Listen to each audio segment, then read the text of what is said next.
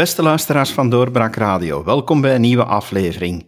Tijd om een blik te werpen op de Franse presidentsverkiezingen en dat doe ik samen met Christophe de Greef. Welkom Christophe. Dag David. Franse verkiezingen gisteren geweest, Macron heeft gewonnen. Ik ga toch eerst uh, een binnenkopper als vraag eh, stellen. Uh, verwachte winnaar? Persoonlijk zal ik zo eerlijk zijn om toe te geven dat ik dat niet verwacht had. Vele mensen uh, hadden het wel verwacht. Ik had gedacht dat Marine Le Pen deze keer het, uh, het, uh, het zou kunnen bereiken. Het zou kunnen bereiken om presidentskandidaat te worden. Maar ik was daarin fout. Ik denk dat veel mensen die vraag hebben gesteld, de, de, ja, zag er toch zo naar uit van dat heel veel media er rekening mee hielden.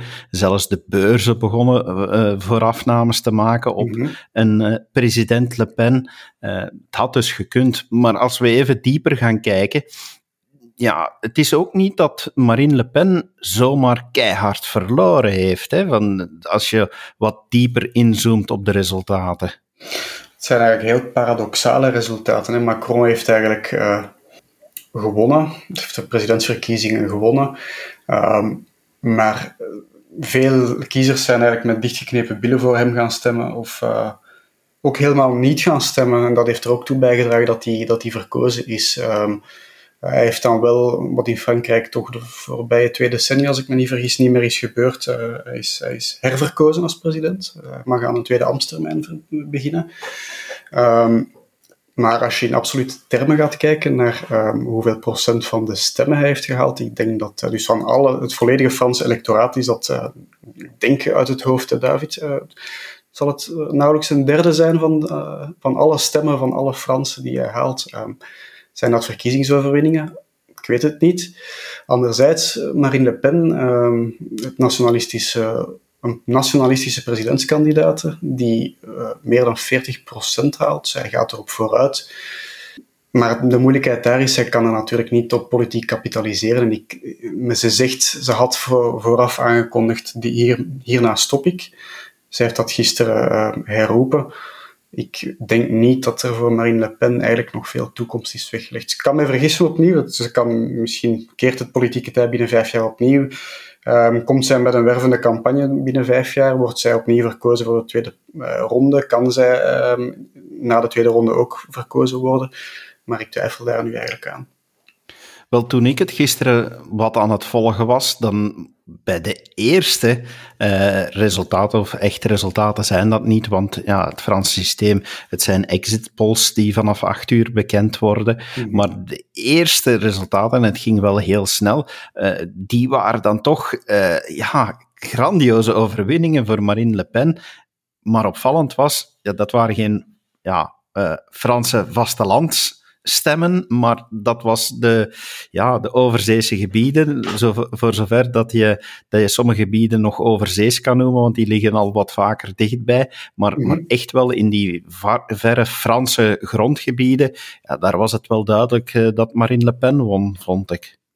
Ja, um, en ik zag die ook. Uh, was denk ik zo ergens tussen zes en zeven dat, die, uh, dat het nieuws van de uh, het feit dat overzeese gebieden eigenlijk voor Marine Le Pen stemden. En toen dacht ik van, ah, het zou wel eens interessant kunnen worden. Opnieuw, daar had ik dus geen gelijk. Uh, maar dus de Caribische gebieden, Guyana, um, Guadeloupe en Martinique, hebben eigenlijk uh, in grote mate voor Marine Le Pen gestemd. Corsica iets minder dan 60%, letterlijk dus ook een overzees gebied. De zee is iets kleiner. Um, ook voor Marine Le Pen, alleen in Polynesië als ik het goed voor heb, um, heeft men Macron verkozen, maar in Polynesië is eigenlijk uh, bijna de helft of iets meer dan de helft van de mensen volgens mij niet gaan stemmen. Dus. Maar dus wat ik onthoud, dat de Creoolse gebieden, um, in, uh, die van Frankrijk nog zijn, um, in de Caribische gebieden, dat die eigenlijk uh, hun stem hebben verleend aan een nationalistische kandidaat. Um, ik zie daar eigenlijk al een probleem verrijzen van hoe kan eigenlijk een presidentskandidaat nog als racistisch gepercipieerd worden wanneer dat, uh, dat men in die Creoolse gebieden um, voor haar stemt. Ik uh, maar, vind dat toch een opmerkelijk feit.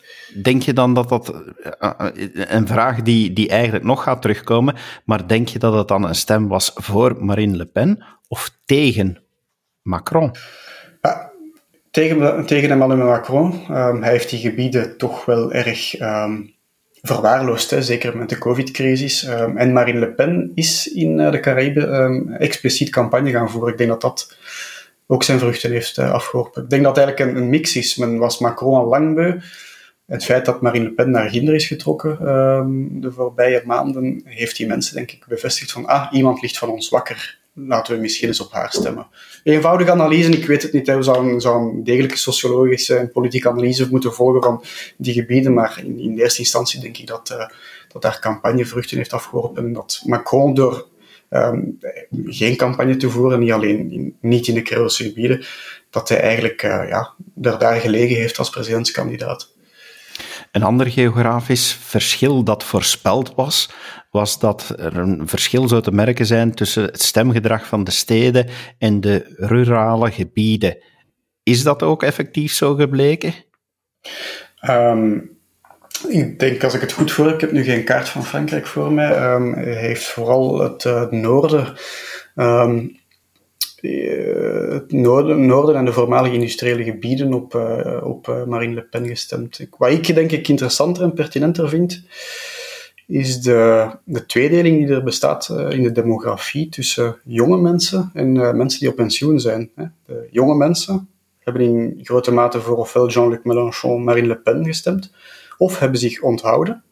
Um, en de ouderen, en specifieker de mensen die op pensioen zijn, hebben eigenlijk uh, voor Emmanuel Macron gestemd. Dat vind ik eigenlijk uh, een, uh, een belangrijker um, feit dan, dan het nu eventjes het analyseren van, van de breuklijn tussen stad versus platteland die jongeren inderdaad, die, die, ja, die polariseren dan duidelijk meer. Want ja, je kan het, het rechtse blok en het linkse blok noemen, voor zover hè, dat je nog over rechts en links kan praten. Want heel veel van de klassieke partijen zijn totaal verdwenen.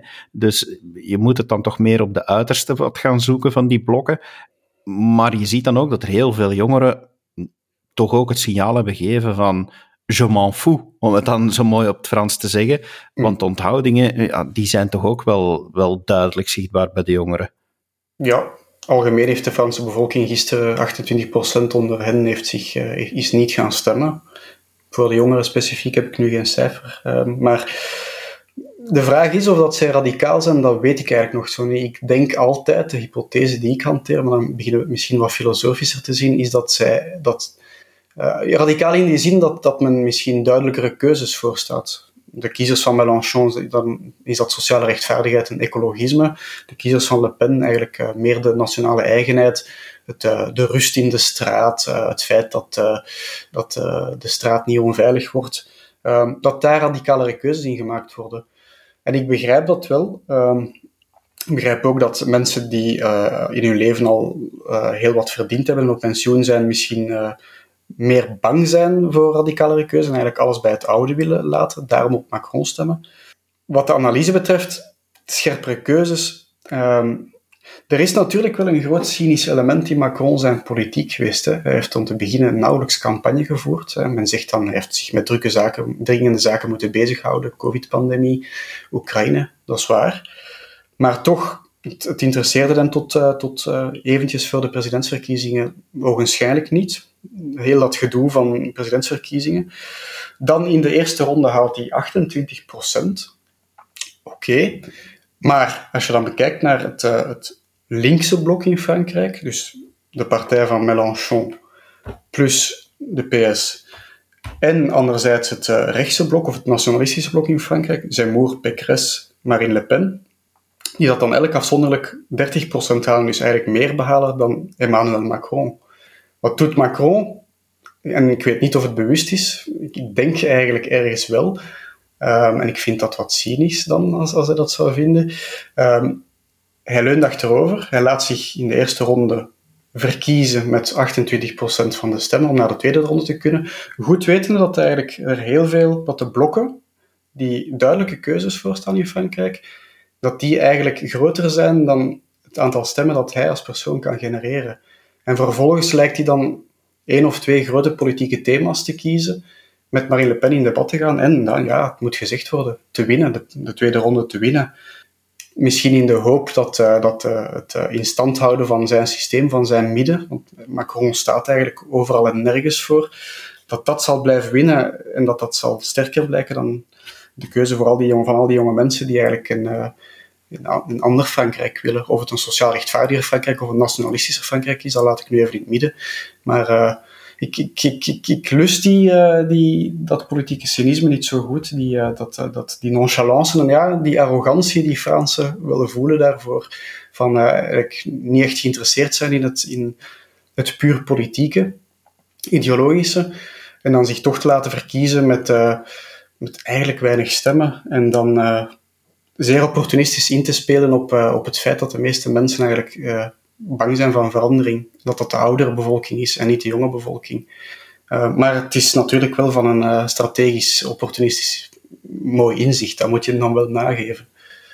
Ik ga misschien nu ook cynisch zijn op politiek vlak, maar zeg je daarvoor een stuk eigenlijk mee dat de keuze voor Macron, of dat er toch heel veel stemmen voor Macron eigenlijk, en ik draai het om van wat ik daar straks zei, stemmen vooral waren tegen uh, Le Pen. En dat eigenlijk de mentaliteit eerder was van, ja, we kiezen hier voor de minst slechte.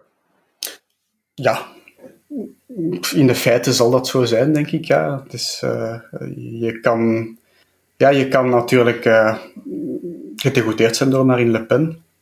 Je kan gedegoteerd zijn door Macron en met dichtgeknepen billen voor hem stemmen. Um, blijkbaar geeft dat nog meer de doorslag. Ik denk eigenlijk dat maar dat is ook, het, ik zeg het, zijn paradoxale verkiezingen geweest. Ik denk eigenlijk dat uh, na de feiten Erik Zemmour wel een groot punt had toen hij zei dat Marine Le Pen de kandidaat van het verleden was. Uh, en Zemmour zou moeten zwijgen, want hij heeft maar 8% van de uh, stemmen gehaald in de eerste ronde, dat weet ik ook wel. Ehm, maar misschien zag Zemmour beter in dat het uh, zou geloond hebben om voor het nationalistische blok om zich te scharen achter één sterke presidentskandidaat. Ik ga nu niet direct zeggen dat hij daar het best voor geschikt was, maar qua politieke en strategische analyse denk ik dat het... Hij zag in dat Marine Le Pen um, te veel water bij de wijn zou moeten doen en dat de behoudsgezinde krachten in Frankrijk te sterk zijn. En zijn moer ziet dat allemaal wat pompeuzer, eh, wat passioneler. Voor hem was het een choix civilisationnel, dus een, beschavingskeuze om voor het nationalistische blok en dus voor zijn moer te kiezen. Um, ik denk dat hij dat het beste inzag dat, uh, dat de manier waarop het nu gaat, en Marine Le Pen verliest in dat systeem. Want uiteindelijk wordt zij in de tweede ronde gedwongen om zachter te zijn. Een van de grote kritieken in 2017 was dat zij te hard was. Het is, het is nooit goed. Nu moest zij zachter en salonveger zijn. Zij heeft eigenlijk een, uh, een vrij presidentiële campagne gevoerd. Maar zij wint daar niet mee. Ik denk dat Zemmour dan gelijk heeft. Uh, als hij zegt, en dat is ook inderdaad wat cynisch, uh, misschien is het voorbij voor Marine Le Pen en Rassemblement National. En is dat niet de kracht die dat uiteindelijk um, iets zal kunnen veranderen en dat Franse establishment zal kunnen keren? Je spreekt een aantal keren nu al over het nationalistische blok en, ja, en niet over het rechtse blok. En ik denk, ik denk ook wel, ik, ik kan je daarin volgen, hè, Christophe, want uiteindelijk het, het Frankrijk dat, we, dat wij kennen als het, het linkse, vakbondsgerichte, stakingsbereidwillige Frankrijk, ja, heeft nu toch wel duidelijk ook een nationalistisch blok dat men niet langer kan negeren. Nee, maar ik spreek ook, het is, veler, het is, het is velerlei, David. Ik, uh, ik denk dat men, als men van extreem links en extreem rechts, ja, die analyse zal tot op zekere hoogte wel kunnen kloppen. Er zijn goede en slechte, argumenten tegen, maar veel van wat ik denk dat um, nu radicaal wordt genoemd, zowel ter linkerzijde als ter rechterzijde, voor mij zijn dat concepten die 30, 40 jaar geleden eigenlijk absoluut niet zo radicaal waren. Er waren eigenlijk dingen die Ehm, misschien door de sociaaldemocratie en eigenlijk door het gewone centrumrechts werden gehanteerd, of centrumrechtsnationaal werden gehanteerd.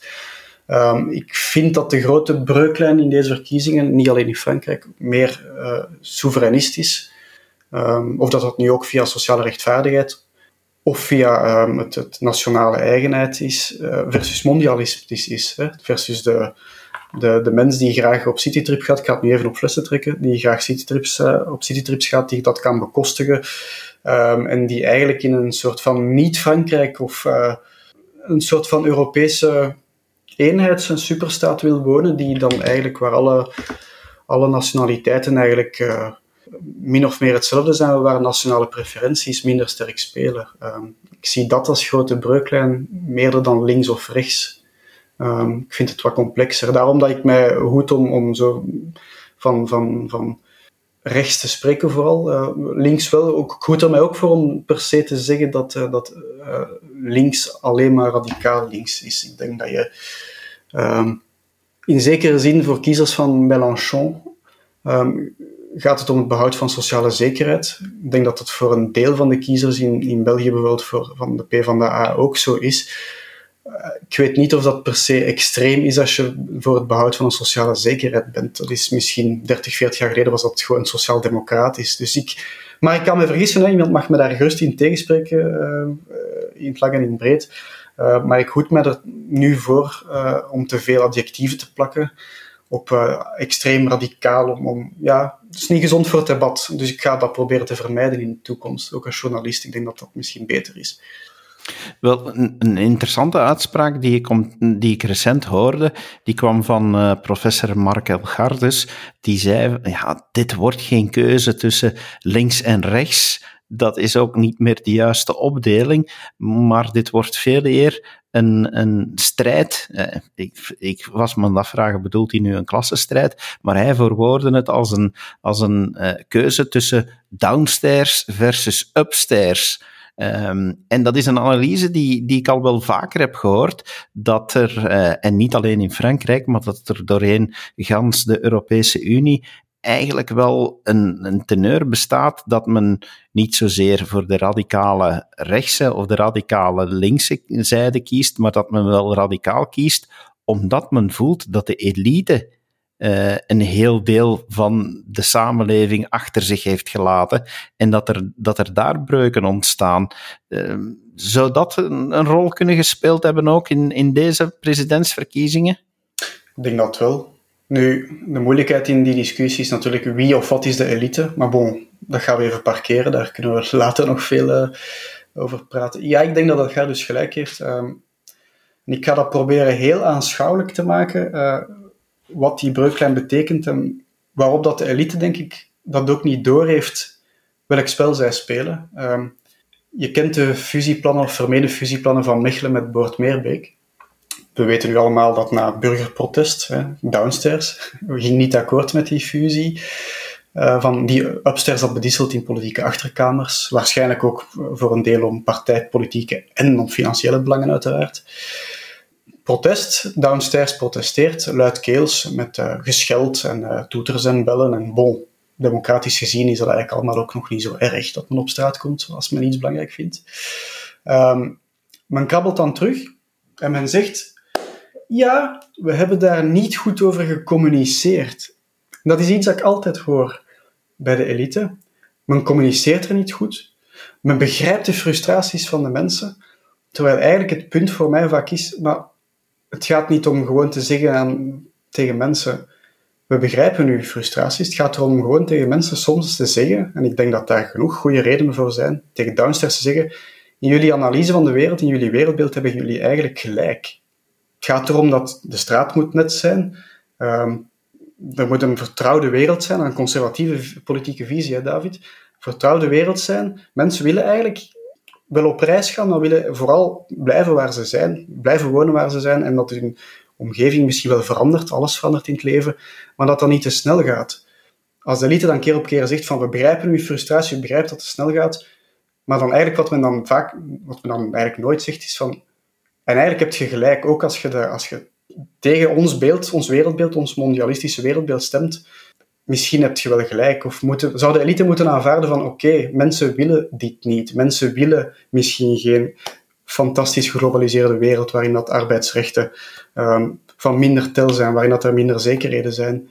Um, dus ik vind altijd het semantisch uh, ja, gevaarlijk als men zegt, we begrijpen u, we hebben verkeerd gecommuniceerd. Uh, dat is eigenlijk een beleefde manier om te zeggen van, uh, want eigenlijk zijn jullie misschien wel een beetje te dom om te snappen waarover het gaat. Terwijl ik denk van, ja maar nee, democratie impliceert dat je ook als mensen ogenschijnlijk zeggen van, om, om slechte redenen of gemixte redenen of emotionele redenen, het, het, uh, het moet niet zo, wij willen het niet zo, dat je zegt, oké, En wij leggen ons daarbij neer. Dat is een beetje het Zwitserse model.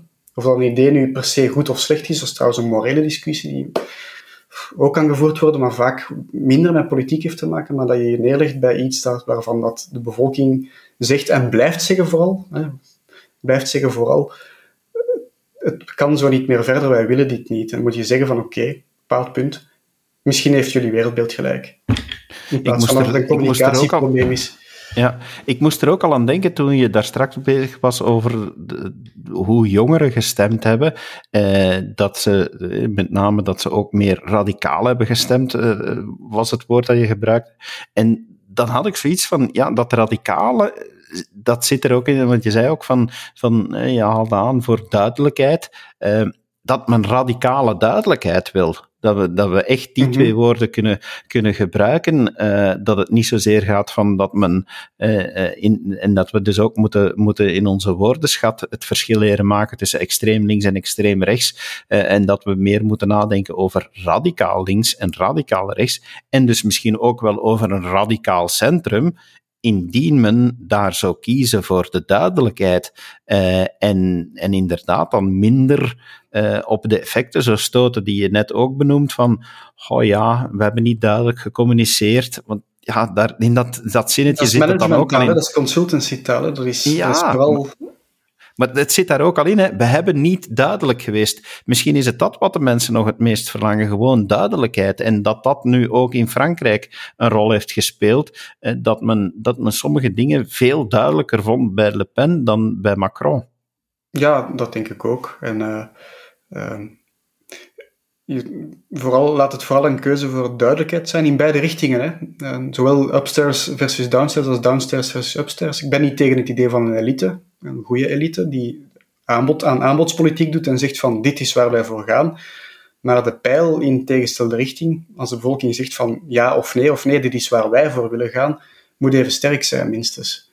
En moet op even grote manier worden gehoord door de elite, als dat de bevolking ook altijd moet luisteren naar de aanbodspolitiek van de, van de elite dat heeft er dan misschien ook al mee te maken dat er uh, inmiddels ook al demonstraties geweest zijn na uh, deze verkiezingsuitslag. Ja, en men liet het wat in het midden, demonstraties, waardoor dat misschien de schijn gewekt zou worden dat uh, de kiezers van Marine Le Pen niet akkoord gingen met um, de kie het kiesresultaat. Um, in steden als Montpellier bijvoorbeeld zijn er inderdaad demonstraties geweest, voor zover ik begreep van het kiespubliek van Jean-Luc Mélenchon. Um, er waren ook kleine video's die op internet opdoken van het kiespubliek van Marine Le Pen, die um, met éénzelfde soort walging het kiesresultaat aanhoorden, maar die hebben dan niet gedemonstreerd. Ik denk dat die gewoon naar huis zijn gegaan en om het in schoon Vlaams te zeggen, hun kas hebben opgefret thuis, alleen. Uh, maar ja, links is op straat gekomen in Frankrijk. De gele hesjes zijn op straat gekomen uh, gisteren in Frankrijk. En wat daar vooral mij opviel, was in de dingen die ik erover gelezen heb. In La Libre Belgique staat een goed, kort reportageartikeltje erover. Is dat men een fysieke afkeer heeft van Emmanuel Macron, die zo sterk is dat eigenlijk ze alle, alle reden voorbij gaat. Hè. Men, men haat Macron omdat hij het eruit ziet zoals hij eruit ziet. Netjes, afgeborsteld, afgelikt. Uh, tikje arrogant, um, ogenschijnlijk begaan, maar vooral het is, het is een fysieke afkeer. Dat is iets waar ik wel van schrik. Het is inderdaad heel opmerkelijk. Uh, het viel mij ook op. Uh, ik had ook onmiddellijk van, ja, dit, dit, dit geeft mij een, qua gevoel een herinnering aan de gele hesjes. Het, het, is ook weer zo, ja, net zoals we daarnet zeiden, toch weer een stuk downstairs versus upstairs. Um, het was mij niet zozeer opgevallen van dat, er, dat er echt ook een fysieke afkeer zou zijn. Van het fysieke leek mij eerder beperkt tot, tot een aantal dames die het echt niet op borsthaar hebben begrepen. Ja, dat uh, was ook een, een, raar staaltje politieke marketing van Macron en van Vincent van Quickenborne, die dat dan vond dat hij dat moest nadoen. Um, het deel van het probleem, maar nee, ik denk dat men de fysieke afkeer onderschat. Uh, is moeilijk politiek te vertalen. Hè? Um, als men niet meer wil praten, als men denkt dat de periode van praten is voorbij, um, er rest ons alleen nog een, een, fysieke afkeer om wie dat Macron is. En vooral omdat wij denken dat Macron ons zo bejegent. En omdat ja, de gele hesjes zijn natuurlijk op een bepaalde manier bejegend. Het, c'était de petit. Het waren mensen van niks, mensen die niks bereikt hadden, losers.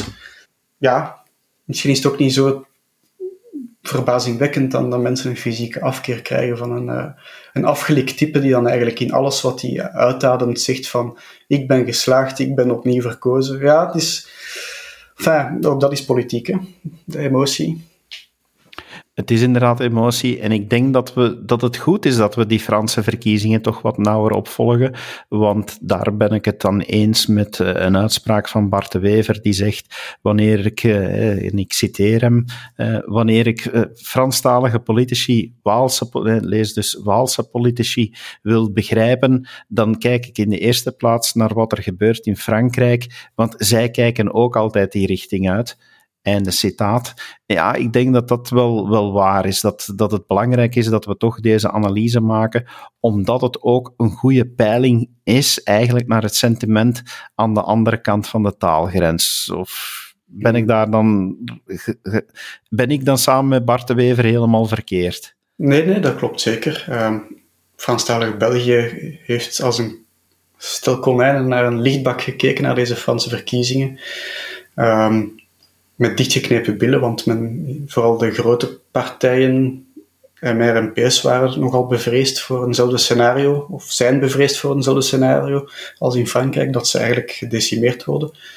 In Franstalig België zal het niet direct zo'n vaart lopen, maar ik denk ook dat de, de beweging van Georges of de, de wil van Georges-Louis Boucher om eigenlijk als een dief in de nacht op te duiken in ter zake vorige week en met uh, Tom van Grieken te gaan debatteren, dat het eigenlijk uh, daarvan een manifestatie. Hè. Men, uh, men wil zich, men, men, beseft door Frankrijk nu in Franstalige België dat het eigenlijk uh, tijd wordt dat men die problemen eens echt uh, durft aankijken. En Boucher snapt dat. Boucher heeft ook een, ik zal het vaak herhalen, want dat speelt mee, heeft een eenvoudige achtergrond, is van eenvoudige komaf. Ik denk dat Boucher dat heel goed snapt.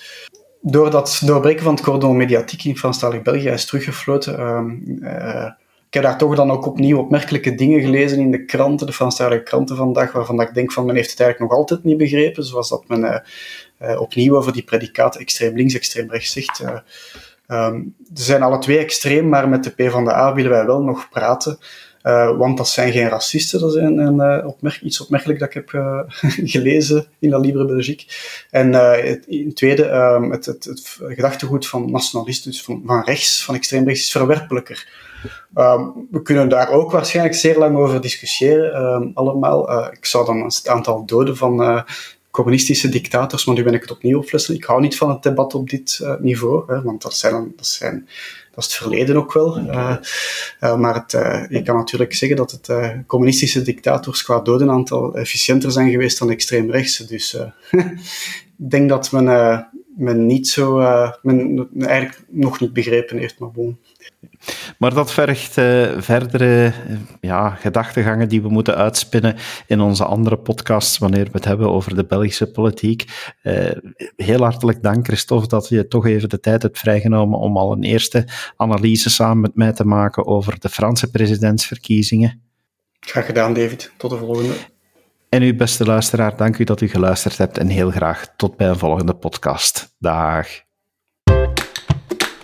Dit was een episode van Doorbraak Radio, de podcast van doorbraak.be. Volg onze podcast op doorbraak.be/slash radio of via Apple Podcasts, Overcast of Spotify. Bezoek ook onze website op doorbraak.be en steun ons door een vriend te worden van Doorbraak.